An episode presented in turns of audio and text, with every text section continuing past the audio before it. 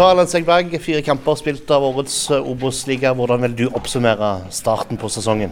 Nei, resultatmessig skulle vi gjerne hatt uh, litt flere poeng, og spillemessig så burde vi prestert bedre. Så vi har masse å, å gå på, det jobber vi for hver dag å få til i kamp. Så en ny mulighet i morgen.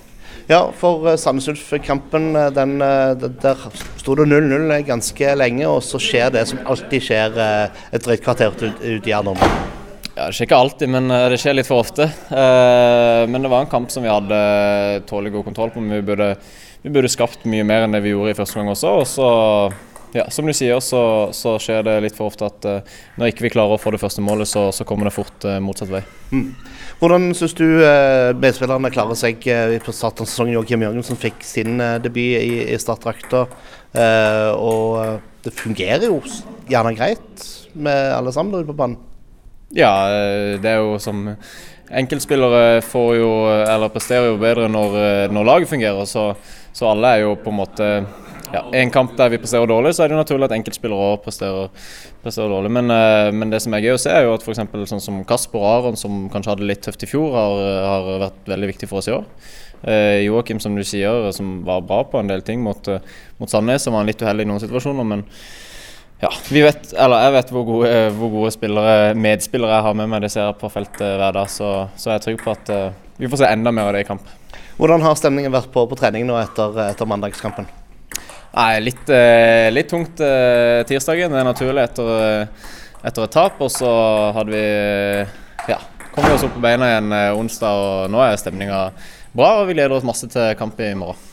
Ja, for revansjlysten må vel også være eh, stor. Dere møter jo da et lag som rykka ned sammen med, med, med dere i, eh, i, i, fjor. Men det var jo også et av lagene som vant stort både hjemme og borte. 4-1 4-1 ble det i både hjemme- og bortekampen i, i fjor. Ja, øh, vi, har hatt, øh, vi, har en dårlig statistikk mot Sandefjord øh, de siste årene, så, så, vi har masse å revansjere. Så det, det er bare en ekstra, ekstra boost som vi tar med oss inn i kampen. Ja, Hvordan skal dere klare å få 4-1 mot Sandefjord på, på, i kampen på, på lørdag? Vi ønsker å ta mer kontroll over, over uh, vårt eget spill enn det vi har hatt i de, de siste kampene. og, og ja, rett og slett uh, kontrollere kampen i større grad, få masse innlegg, få masse komme til masse sjanser. Uh, og så vet vi at de også er et bra uh, ballspillende lag, så vi må være oppmerksom på, på, deres styrker også. Men der også så er det ting vi kan straffe dem på i vårt overgangsspill. Så, så ja, Det kommer sikkert til å bli en, en ganske åpen kamp, men, eh, men, jeg håper at vi tilriver oss initiativ. og Det tror jeg vi kommer til å gjøre, og, og vi kommer til å skape masse sjanser.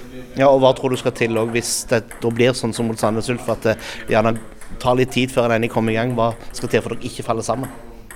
Nei, Det handler jo om å få det første målet, først og fremst. Eh, og så handler det om det å selv om vi får et, et mål imot, og liksom være tålmodig, og holde seg til, til kampplanen. Eh, men så var vi litt eh, uheldige mot, mot Sandnes Ulf igjen med at vi fikk to såpass tett på hverandre. Uh, og da, da, blir det jo vanskeligere å, å, komme tilbake, og man må gjerne endre litt ting. Men eh, vi må være tålmodige. Eh, det merka vi på en del kamper i, fjor høst også.